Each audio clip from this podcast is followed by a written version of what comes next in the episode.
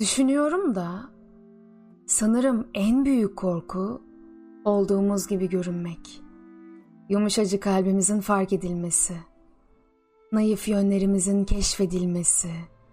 Cesaretsizliğimizin anlaşılması. Korkularımızın paylaşılması. Sanki zarar göreceğimizin en büyük işareti. Kabuklarımızın altında kendimizi saklamakta ne kadar da ustayız. Ve ne kadar güçlü korunuyoruz kalkanlarımızın ardında. Hissedilmeden, el değmeden, sevgimizi göstermeden. İstiridyeler, deniz minareleri, midyeler, kirpiler ve kaplumbağalar gibi. Sahi, koruyor mu bizi bu çatlamamış sert kabuk? Kimse incitemiyor mu bu duyguları, inançları, benliğimizi? Yoksa zarar mı veriyor bu ürkeklik, bu kabuk bize? Hissettiklerimizi gölgeliyor. Yansıtmıyor mu gerçek kimliğimizi? Duygularımızı bastırıyor. El ele tutuşmamızı engelliyor mu? Eğer bir yıldız gibi ışıl ışılsam ve bir yıldız kadar parlak. Ne çıkar ateş böceği sansalar beni?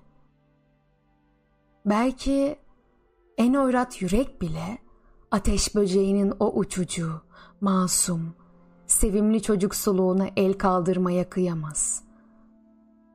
Anlaşılacağım ve bir ayna gibi yansıyacağım karşımdakine. O da çözülecek belki. Samimi ve güvenliksiz, silahsız biriyle göz göze gelince. Oysa bir görebilsek bunu, güven duygusuna bu kadar muhtaç olmasak, kırılmaktan korkmasak, incinsek, yaralansak, ne olur bir darbe daha alsak, yeniden açsak kendimizi, denesek, risk alsak, yanılsak. Fark etmez. Tekrar, tekrar bıkmadan denesek.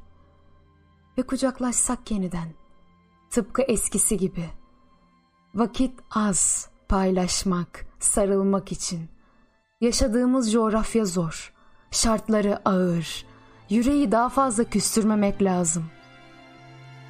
Sırtımızda ağır küfeler, her gün katlanan ve koşullar bir türlü düzelmeyen. Ufukta kara bir kış görünüyor. Ancak birbirimize sokulursak atlatırız bu günleri. Kırın o sert, o ağır kabuklarınızı.